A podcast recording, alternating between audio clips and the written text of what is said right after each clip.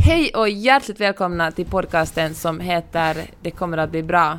I den här podcasten pratar vi om hur man kan styra upp sitt liv så att uh, varje dag faktiskt känns som om det var fredag. Eller vad säger du Maja? Ja, men det, så är det. Vill du presentera dig Peppe? Vem är du? Ja, jag, jag heter Peppe Öhman, jag är journalist, författare, podcastare och bloggare och jag jobbar som frilans i Los Angeles, skriver mest för finska och svenska tidningar och pysslar med lite ja, men allt som har med skrivande att göra. Precis. Du då Maja? Och jag heter Marianne Norgren, kallas för Maja. Och jag jobbar med ledarskapsutveckling och coaching här i Bryssel. Och idag har vi en specialgäst. Då när vi bestämde oss för att göra den här podden och, och också kom på tanken att vi vill bjuda in gäster som, som vi tycker är är inspirerande, som har gjort intressanta vägval och som kan ge oss lite goda idéer om hur man kan se på livet. Så då tänkte jag genast på Ann-Sofie Vandenborn Refelt. Och hon är vår gäst här idag i, från Bryssel. Mm. Välkommen! Tack så mycket.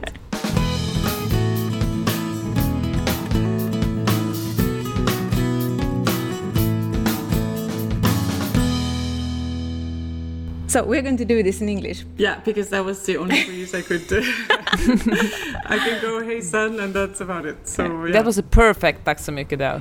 okay, good. Well done. So can you please, Ann-Sofie, tell us a bit, because could you just tell us what are you doing here in Brussels? Sure. Yeah. So um, I'm Danish. I was working in Copenhagen for my entire career, which was really on track. I worked really hard at it and. Uh, was working in communications uh, for many years and uh, on a nice track to have a good position in a communications agency, and um, everything seemed really fine. Uh, especially since I met my husband, who is Dutch, uh, and um, yeah, so things were good. Uh, nothing to complain about, except uh, that I did really complain, and I kept having this feeling that you know there should be more and Copenhagen is a wonderful city, and people are great. And I couldn't really get to the bottom of uh, why, you know, why I was bored. I guess.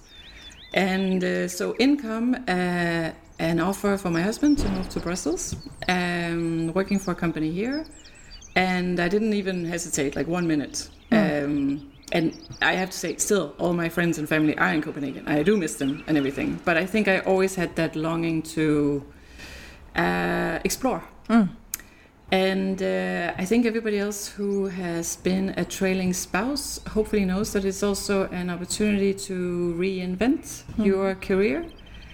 And it can be quite daunting to decide what to do with all this, you know, opportunity and freedom and. Mm it's it's really uh, uh, you can choose a different track, and that is very difficult to do if you're still uh, if you are in uh, you know your normal life and going to work to all of a sudden from one day to the next decide I want to do something else. Um, so I, I, would say I had a bit of luck in the sense that this offer came to move abroad. Um, luckily I, I speak French, so that helped a lot.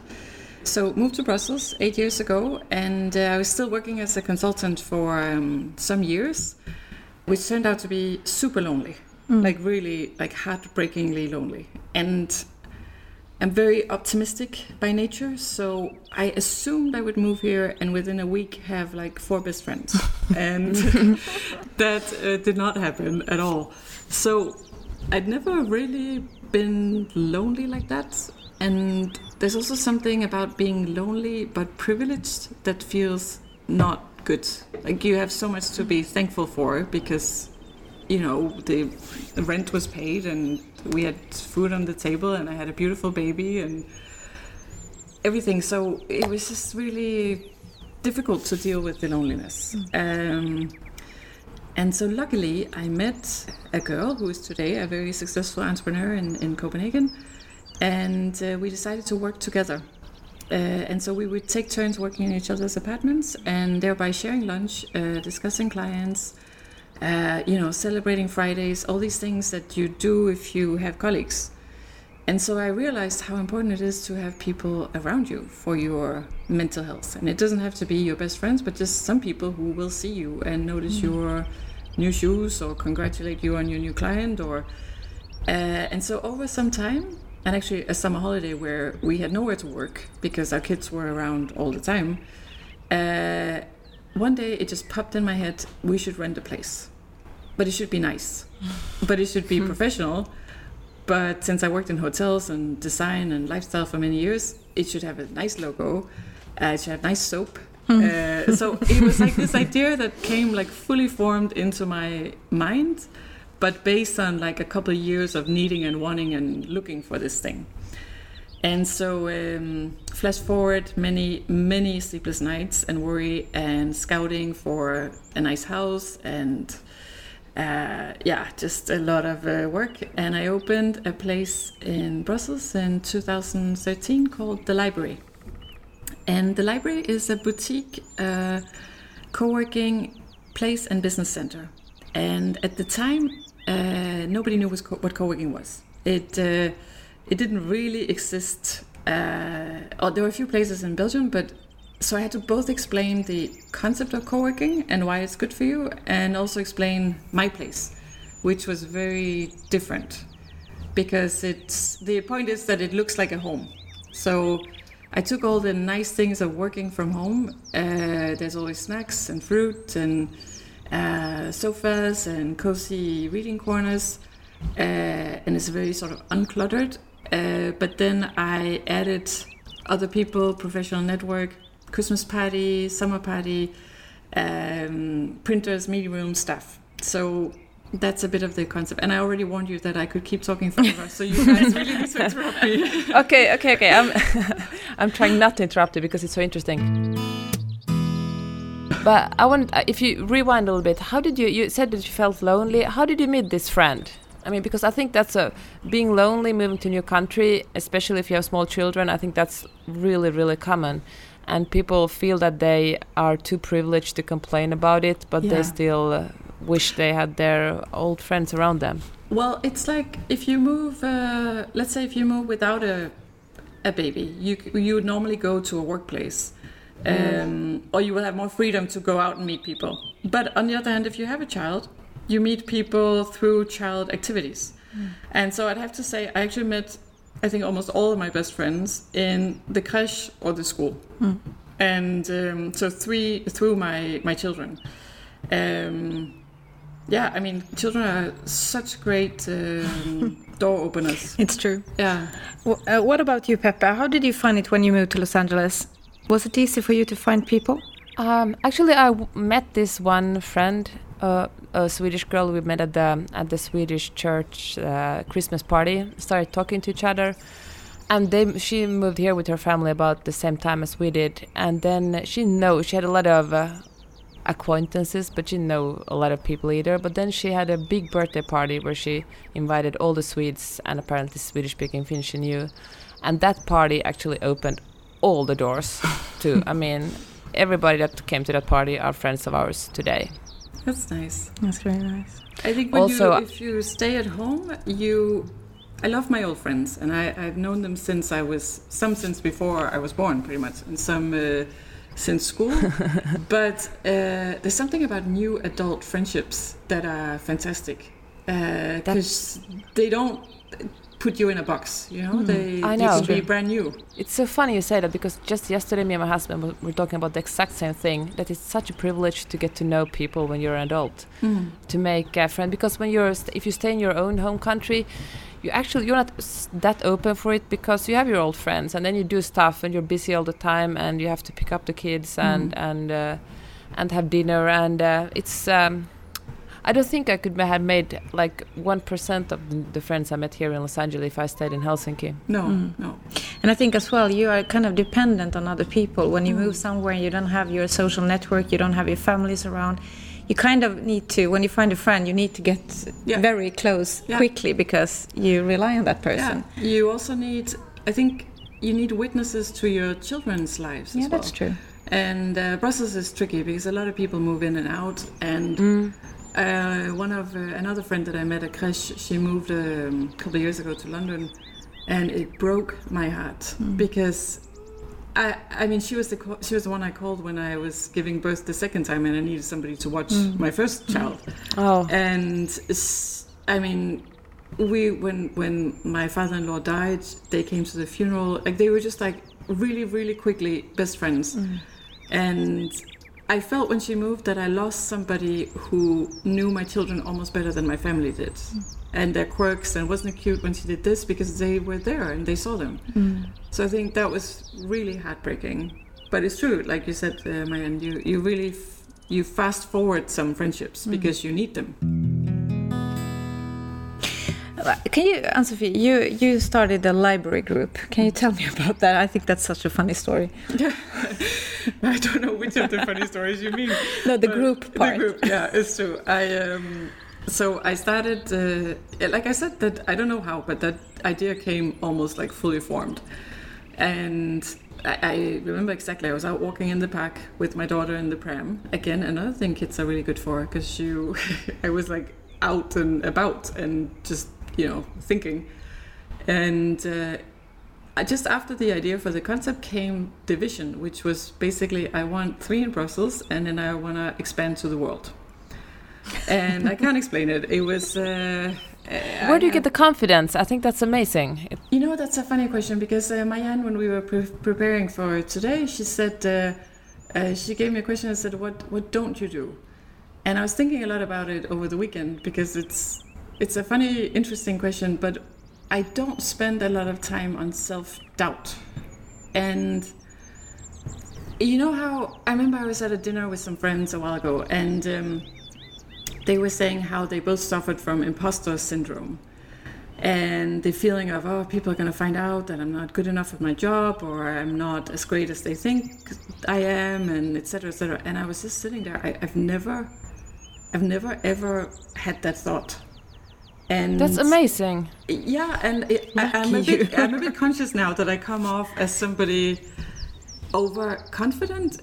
No, it's just inspiring. I think I, and I don't, my mom was a single mom, and she raised me and my brother while working full time at a library, hence the name of my company. Uh, I think she just put in like a whole foundation of worthiness mm. in both me and my brother, who also doesn't mm. lack confidence. Mm.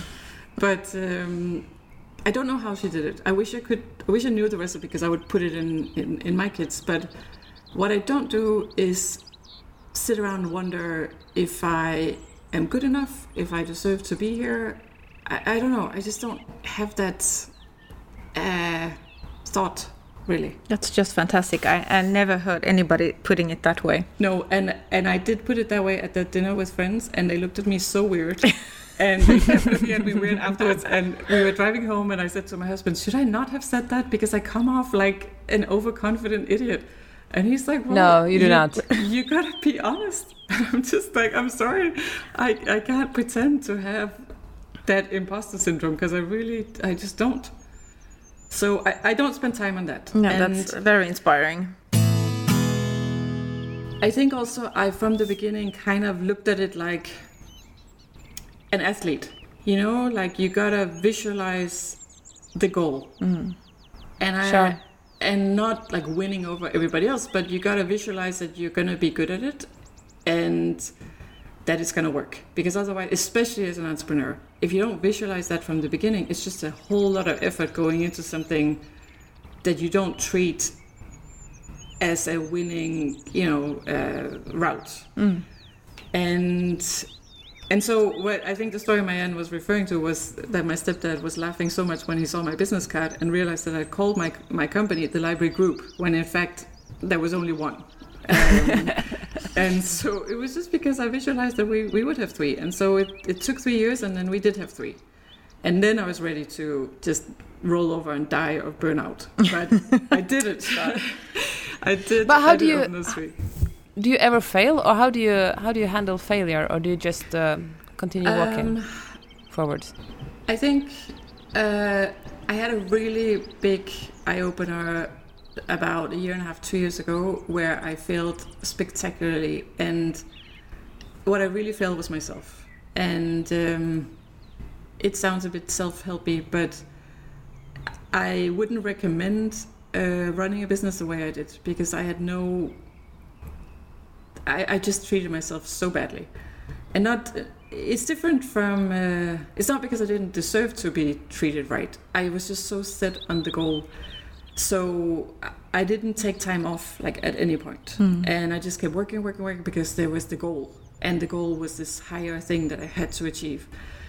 And uh, i mean i just i just crashed. I just uh, all of a sudden from one day to the next i just couldn't sleep and it it completely just crashed me like uh, the, yeah, I still get a stomachache just thinking about those like three months over the winter. How I couldn't sleep. I um, I didn't know how to get out of it. I thought I was maybe having a depression. Uh, I, I and my impulse is always to act. Okay, act, do something, act your way out of it.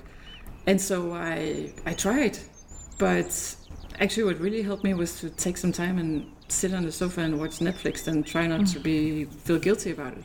So what did you learn? Because I think that's something uh, quite common with entrepreneurs and freelancers that you are not the best boss to yourself. Yeah, You're you're not uh, the best HR person to yourself. Um, well, you're sitting right next to me now in my running gear, Yeah. and uh, I, I learned that I have to take that time out. And a few things I've trial and error that that have I have found that it really helped me, and uh, one of them is to uh, prioritize exercise. And it's not to hammer anybody over the head with, oh, you should do this and you should do this, because when I was in the worst of it, there was no way I would do sports. But now I spend I spend time and I spend money on a personal trainer who I also really like as a person, and so to go there is like a break for me. And um, sure, it's also about you know uh, vanity and, and good health and everything, but when I do that, I prioritize myself and. Um, I mean that that's just I just found that I, I can't run the athlete's mind but then not have lunch and work throughout every mm. weekend. Mm. And so it's really tough for me but I, I try not to look at my emails over the weekend, mm-hmm. which is it can be really difficult and yeah to say okay so I mean the client would like to come in on a Sunday and that means I would have to go open the door and take care of them but maybe the world won't crash if I say no if I'm unavailable mm-hmm. right now which is what I really thought it did like in the beginning I thought okay well if I say no to this we will go bankrupt we will live on the street mm. and so I had all these plan Bs running in my head. Okay, what will we do? Okay, will we move back to Copenhagen? Who should I call to get a job? Uh, what do we have left in savings? Uh, like all these things, like just constantly running through my mind. And uh, That sounds so familiar. That that could be me. I mean, that's how I well, think. Uh, But I'm still was in so- the I can't say no. I, I was so naive about it because I, I thought that it was just me. And so it, it was such a really a revelation when I one day I Googled uh, entrepreneurship and anxiety. And I just realized th- I think there's almost no way around it. And it's uh, it's the price you pay for the freedom you have and for not being bored. Because that was like sometimes if my husband and I feel worried or overwhelmed or I don't know, uh, stressed out, we look at each other and we're like, well, at least we feel alive. yeah, because actually your husband is now working. yeah, so that In was this the company twist as to well. the story. So, um, so we, I opened quite quickly those three because that was the goal and it had to be done. And uh, of course, then realized that that I just simply could not handle it and two small kids on my own. And my husband was traveling all the time, and so um, uh, we had some talks and. Um, he was getting super fed up with corporate life and he also saw like the passion in me but he also saw me like almost crashing and burning and and so he actually quit his job which was super scary uh, because there went the rent and the car and the, the steady paycheck and uh, and joined the company so yeah it's been uh, two years now It's almost the same situation as you have, even though you and Magnus are not working in the same company in that sense. Or are you? How would you say? Well, technically, we're we're not exactly the same company, but we, a lot of stuff we do are very similar to each other. But I think what, what I really think helps is uh, to have to see your your your spouse as a like as a team member, as a partner.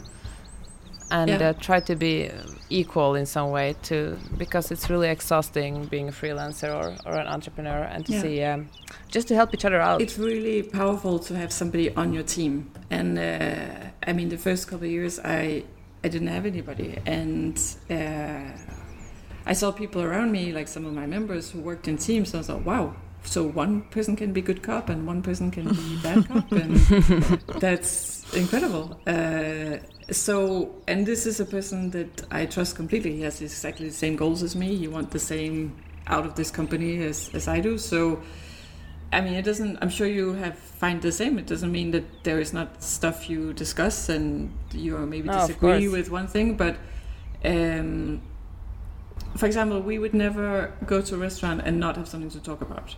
Hmm. And so, even if that sometimes is too much the company, I mean, we're never bored together. So that's a plus. yeah, no, I feel the same. But let's talk about networking because coming to a new place and starting a business, networking must be really crucial because because without knowing anyone, it's really hard to start out. yeah. Do you have any good advice for somebody that's new in the city and wants to start her own or his own business? Well, I mean, the advice is really networking and then taking on some of the, like looking for openings all the time. Uh, I sit on a couple of different committees, uh, not because it brings clients, but because I, I meet people and uh, people recognize that you give something of yourself and oftentimes they want to help you back. Um, I also, right from the beginning, before I even opened, I contacted this network of, um, it's called Leaderize, and it's their point is to build leadership skills and confidence in young women. So it was kind of like a, a counter reaction to the old boys network of the EU institutions. And so I contacted them and said, I have no time, uh, but I have a space. So if you want to use the library as your clubhouse, you are more than welcome. And that way I feel like I support you. I have two daughters and two sisters who are younger than me. And uh, and yeah, so they um, I met a lot of people through them. Um, and I feel like I have like a whole network of young women out there who actually kind of have my back because they knew from the beginning that I was giving them this place and they grew and I grew and we stuck together and uh, I mean they've given me so many wonderful sort of gifts back just by talking about the library, publishing about the library, telling their friends about the library. So I mean I would say we were also when when I was preparing to meet you guys today I was thinking about well what is my best advice and I think the main thing is generosity, uh, which is one of the library values as well. But the more generous you are with your time and yourself and sharing your experiences and whatever you have, like I don't have money to spend on sponsorships, but I have places where I lend out the the rooms to different organi- organizations that I like, and um, I'm not expecting anything really in return, but it seems to come anyway. Uh, at least from the fact that you know that you're doing something nice with your business. You know, you are enabling somebody else to do something. Yeah, just to tell you the story about uh, when I came here the first time, actually to this library where we're sitting right now. Uh, just to, I was looking for office space to be able to meet my clients, and I was definitely not working, looking for co-working or anything else.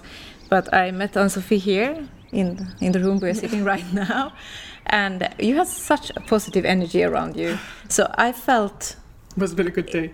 yeah, I don't think so. I think it was a normal day for you. But I, I felt that okay, I need to be a part of this thing she's doing, and uh, and then well, obviously I didn't have the the budget for that at the moment.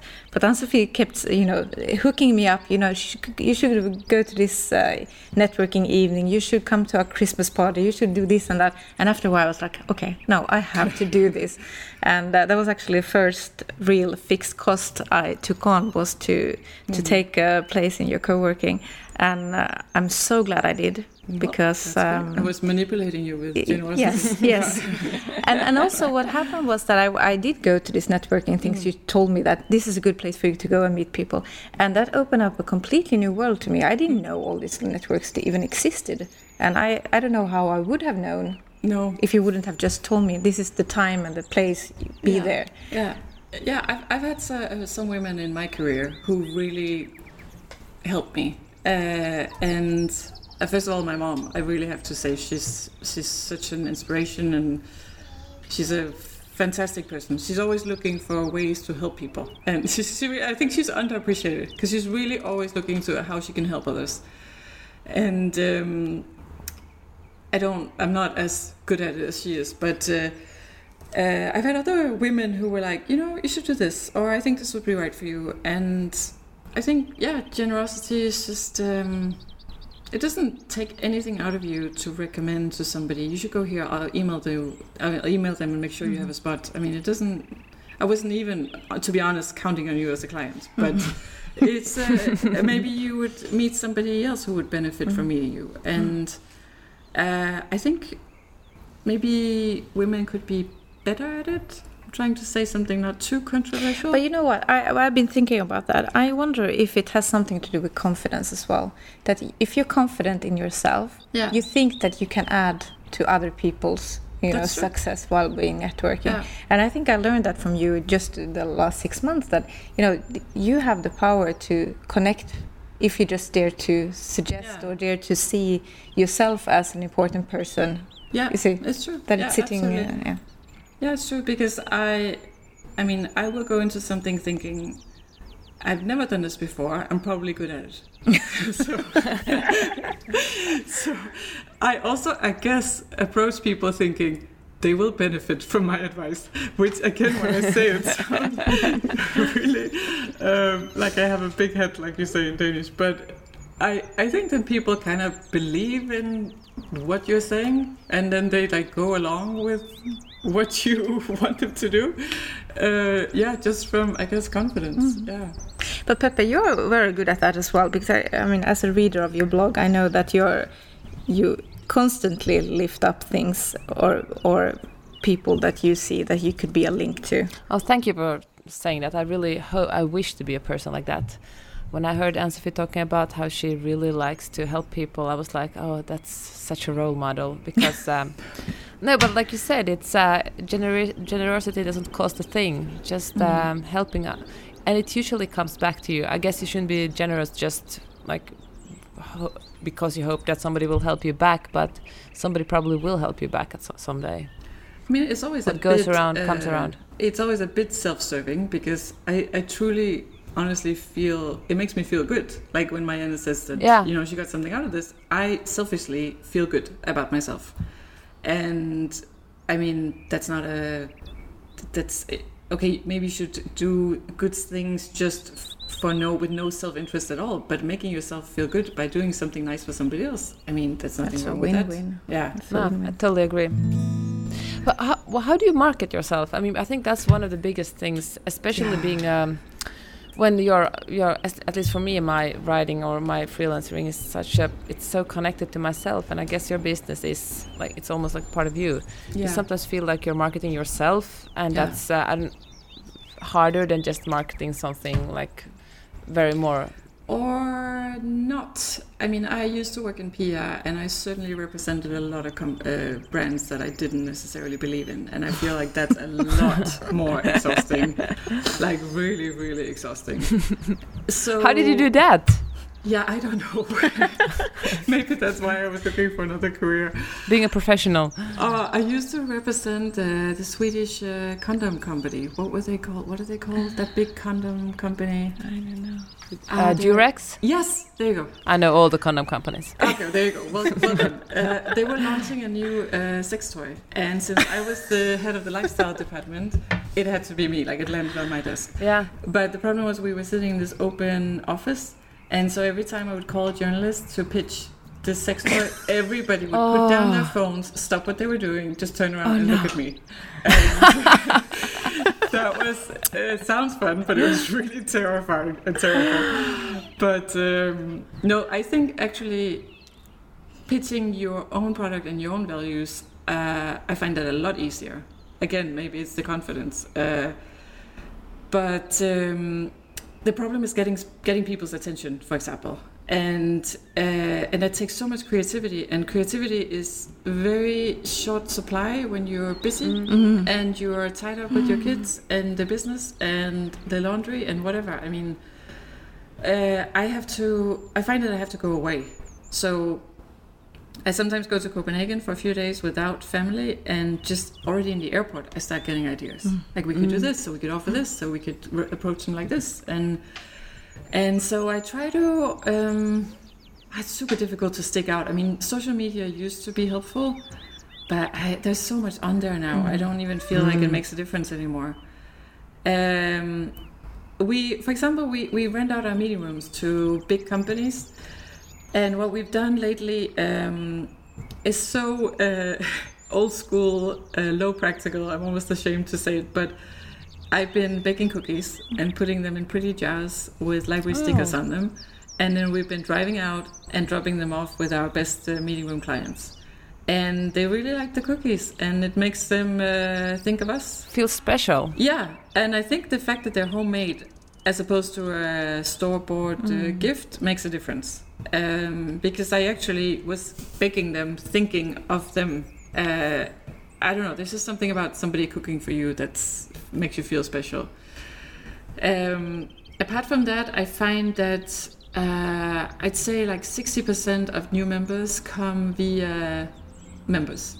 Uh, So that means keeping the products interesting. And I often think, uh, is this something a library member would tell their friends at dinner?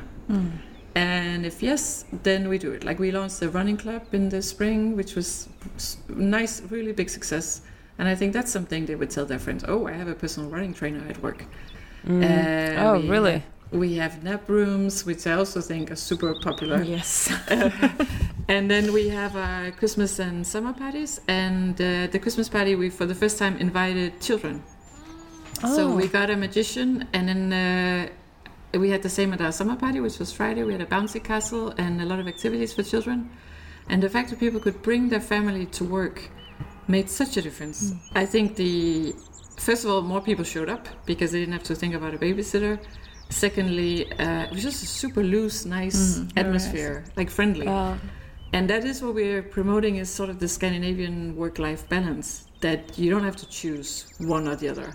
And that is a very novel in Brussels. Yeah, I was just saying that Brussels and work-life balance it I know, doesn't, it really uh, go yeah. together. I think this is like an oasis. The library is like an oasis of that. It doesn't exist anywhere else. So that's something people will tell their friends. So I try to keep it fresh, I guess. just you talking about it makes me want to go there. I'm like, I want to be a part of the library. That's nice. okay, Ansvi, but what about the actually knowing your value and having your clients pay for your services? Because I think it's, I think it's, uh, for me, that's really hard. Yeah, it is. It is super, super tough. And uh, I can say one thing that uh, where I feel like succeed at the library is when I see, especially a women entrepreneur, spontaneously supporting each other in how do I get the clients to pay. And we have these like sessions over lunch where we talk about okay, because a lot of times I think women internalize and they think I did something wrong. You know, maybe they weren't happy. Maybe I should have pushed harder. Maybe they don't think I'm worth it. Whatever. No, they're just assholes. I mean, I'm sorry for using bad language, but people who don't pay for services are just really bad, and that is not our fault.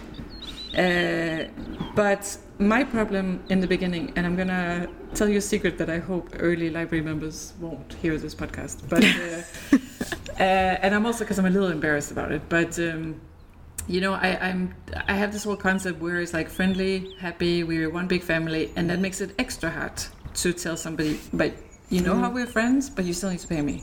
Uh, and so actually, what I did uh, is that I invented a person, and it's terrible, but so his name and he still exists because I gave him like a full life, so he had to be on LinkedIn because otherwise people wouldn't believe in him. This So- is amazing. So his name is Klaus van Eschen. He- he's an accountant. He lives in Munich. And he has a German yahoo.de email address.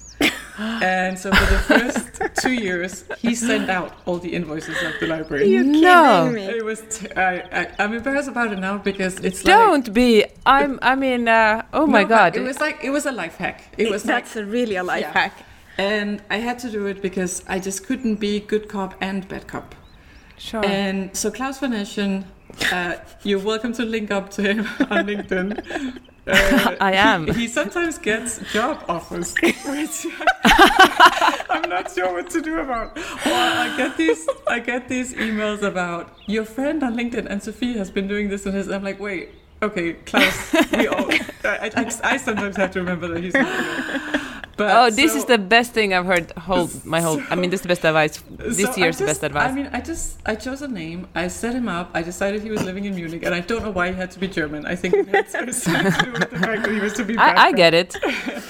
And then uh, yeah, so every month I would switch over to his email address on the first of the month, and he would write. And and he was a little bit more abrupt, so he wouldn't be like, "How you doing? Here's your invoice. Take care. Have a good weekend." He would be like. Dear, and then he would use like Mr. or Mrs. because he was so German Mm. please pay before this date. Uh, best regards, Klaus van Eschen. And uh, and then if people didn't pay, I would log back onto Klaus's email address and be like, "You really need to pay before this date." Um, so, uh, so luckily, my husband joined the company, and he is now Klaus van Eschen. Like, he's not, but, but he, he is he is real my backup. Yeah, so he will get in the money. That's such a brilliant life hack for an entrepreneur. But I feel It embarrassed is. about it because I feel as a grown woman, I should be able to handle that. The problem was that my whole company concept was set up on us, all of us being friends. Mm-hmm. And it's difficult to sit and have lunch and, and be generous with your time with somebody that you've just written an email about. You re- now you really gotta pay, you mm-hmm. know. Sure. So, yeah, so Klaus did that. Okay, I'm I'm, gonna going adapt into him. LinkedIn. You can totally. I mean, it's totally doable. It's um, and and the sad thing is that people will often respect a man's name, which is super sad, and that's why I'm embarrassed about having bought into this. But I didn't have time, and I, it was only me, and I had to do something, and so and you need to have the clients paying, right. I need to have the clients pay, and so I had to play by society's rules, which I wish I hadn't. But, But I think we were also sitting in this room where you invited me for a seminar breakfast, and there was a lot of uh, suits in here, Mm. men in suits, and uh, you were presenting the library. And I was so impressed that you again lifted this thing with, you know, supporting female uh, entrepreneurs, and that the fact that you were talking quite specifically in this room where the audience were mostly men in Mm. suits. So you are very brave. Well, it has to be said as often and yeah, as often as you can. I was at a, speaking at an entrepreneur event for a big bank, and uh, one of the bank guys, who's a super nice guy, uh, came over and took a photo. And he's like, "How should I capture? How should I uh, caption this? Uh, cool female entrepreneurs." And I was like, "Just say entrepreneurs. Why do you have to add the female?" And he was like, "Oh yeah, oh you're right, yeah." And and that's why I really like. I wrote a whole article about how I really object to the whole like girl boss, lady boss, mom entrepreneur. Mm. I, I- totally agree. I just don't get it. Like, why does it? It's almost like it has to be cutesy, so we're no real threat. Mm. For example, my husband, people so enjoy saying, "Oh, so your wife is also in your company," and we are very clearly, I'm CEO, he's COO, mm. and we don't want to change that because, you know, I did start the company, and even though we're totally equal in it, why should I not be CEO? Um, and so he, who is almost a bigger feminist than me, he will go like, no, no, no, I work for my wife. This is, uh, even though he doesn't, we are equal. But he just likes to say it because he likes to get the Sure. reaction out of people. So yeah, it's it needs as many people who can say it as often as possible. So, what is your best advice? Because I heard you speak to the the Leaderize uh, team as well about meetings and how to make yourself heard. So, what would you say is your best advice to to women generally? Um, I think women, first of all, there's this self doubt. And it's not something you can just like with one advice, like just stop doing it. I mean, it's it's something that's I can be rather ingrained in you. But what women also do a lot is worry, and I, I do that too. I worry all the time uh, about stuff. But it, it is actually possible to select what you want to worry about. Like, for example, I think somewhere along the line, I decided to not worry about my kids. And they'll be fine. And I mean, I, I worry about them getting sick or hit by a car, but I, every time I mm. start venturing into it, mm. I, I very consciously pull myself back because it's not going to help me. Mm. Um, I don't worry about like their future or if they'll be good in school. I don't know. I think they'll be what they'll be. Like I, um, I see some of my friends and they have all these activities lined up for their kids, and I feel like, huh, the library is kind of their activity. I'm sorry, but uh, they have to come to work with me, and on weekends we, you know, do stuff at the library, and I feel like just by being that role model, I almost feel like I've done enough, uh, because they see me work hard and they see my husband work hard, but it, more importantly, they see me coming up with an idea, realizing it, being somewhat successful at it, uh, having confidence in myself, and that makes them proud and it makes them believe that they can do it. So I think I've sort of selected that, okay, that's my big job with them is to be a role model in that sense. And so I don't also worry about how great they'll be in school or yeah.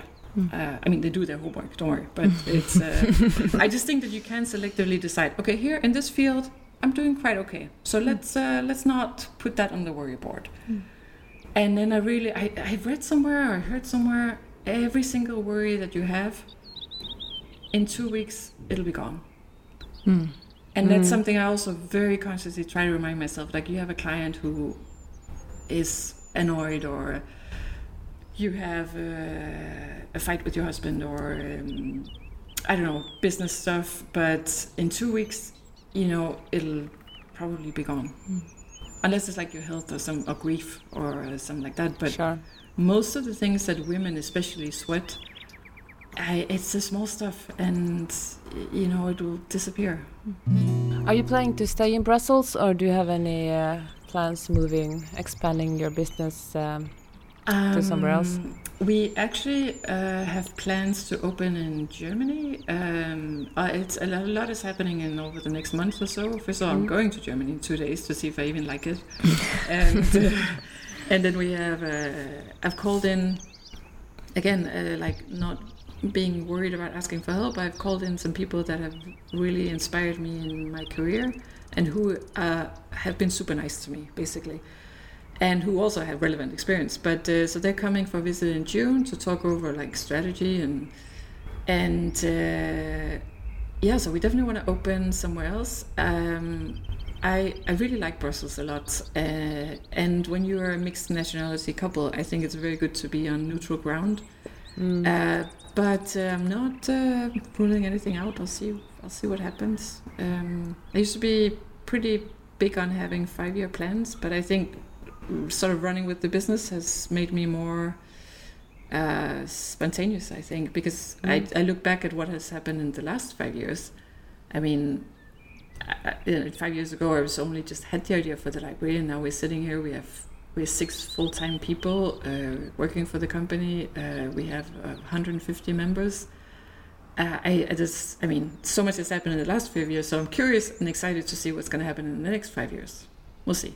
Maybe I'll maybe I'll be Plan B. Maybe I'll be calling you guys for help.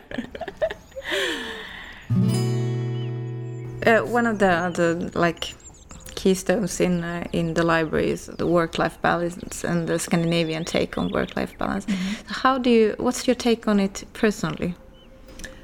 Um, well, I'm lucky in the sense, like I said, I I involve my whole family in my business, and so it does not always feel like work. Um, and uh, I have a pretty flexible life in the sense that I set my own hours, and that is definitely work-life balance. I think in, in at some point in the next ten years, I think even normally employed people must have some sort of revolution against the nine to 5 because it doesn't work with families or marriages or transport or.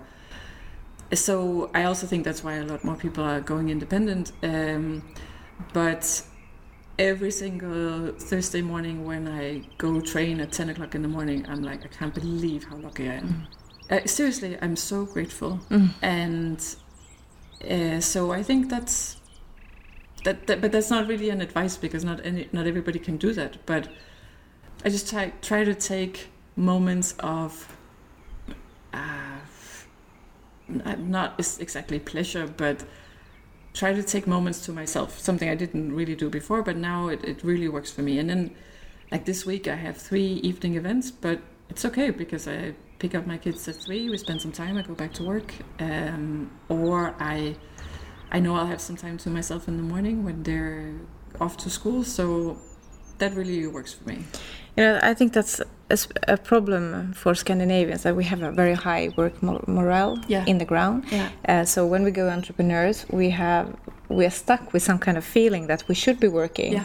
from Yeah. eight till five or nine Yeah. to five, and we shouldn't be uh, exercising during uh, you know Yeah. in the morning or doing grocery shopping in the afternoon because that's normal working hours. But I mean, I, I recognize that from clients I'm, uh, I'm, you know, I'm working with who are freelance. But in a way, we are taking all this risk Yeah. and we're doing all this hard work of being our independent, you know, Yeah. uh, and being our own boss. So if we could just, like you said, we could just be grateful for the fact that I can, I can actually decide how my work week, Yeah. what it looks like. I, I definitely, I mean, especially in the beginning, I really had that feeling like, oh no, I can't be doing this. I can't be doing this in the middle of the day. I'm supposed to be working, working. working. I must, I must, you know, the business must grow, etc. But uh, I think I'm more and more really accepted the fact that you take a risk, but your big pride, and your big prize, and your big bonus is the freedom. And so, what an idiot who doesn't use that freedom. It doesn't mean that I'm any worse at my job or that, you know, I'm I'm not doing enough. If I need to do more, I'll do more. You know. Uh, but if I can take those breathers in a day, I, I will do it. And I think that's about sustainability as well. I feel Yeah. you're going to last. You, you just need to take care of yourself. Yeah. It's just as important than getting new clients. Yeah. If you're the one who is the, if you're the library, Yeah, absolutely. and you need to be able to be that. Yeah. Right. But it, like I said, it took me a, really a crash to realize that because I, I was, I mean, I hated everybody. I would, uh, I was so stressed out and so burned out that I would look at people and be like, gosh, oh my God, you're annoying. And I didn't want to be that person. You know, I wanted to be not fake the positivity, but actually be that person. And so I, I, I did have to change some things because if I want to bring the positive energy, I need to be nicer to myself. So yeah, but that's something I learned absolutely. So. If you had to give yourself some advice, I mean, it's easy to, to tell other people advice, but if there's something you should, you think you should improve in yourself, or uh, I don't know, just um, guide yourself, what would that be? the fact that I have to take such a long pause really underlines my over over self confidence. I'm really worried how this is gonna play out in the end. Um, well, the thing is that I did take my advice. Uh, like I said, I did try to be kinder to myself and shut off my phone more. Um, I think I, my problem is that I, I I worry a lot about money. Uh, growing up with not a lot of funds, like I said, my mom was a single mom, and uh, we had uh, just enough, um, but not more than that. And in a way, I'm grateful for that because it gave me the hunger. Uh, and I think, especially as an entrepreneur, you have to have the hunger because I also see a lot of people who start something and then they just don't put in the hours. Or they don't have the drive and it just sort of collapses and nobody really like believes in it because they're not committed enough. And so i definitely did get that drive from well i don't want to worry about money which i still do unfortunately. I'm not quite there yet. But um, i would love to be able to live more in the moment and care a little bit less about pension savings and if we're making enough money um, yeah, that I would love to be able to do that. But I talked to a therapist about it, and she said, "Well, honestly, no matter how much money you make, it's never going to be enough." And hmm. so I thought, okay. So I, I remember that once in a while when I'm like, Ugh, like there were too many holidays in May, we didn't have enough events or whatever. I hmm. try to say, okay, well, if I made five thousand euros more, I'm not sure that that would have been enough either. Hmm. But I would have been a lot more tired. So uh, that's what I would try to be better at. Perfect. Thank you so much for taking your time talking My pleasure. us. Thank you. It's um, it's amazing to have somebody willing to sit and listen to you. what an ego boost.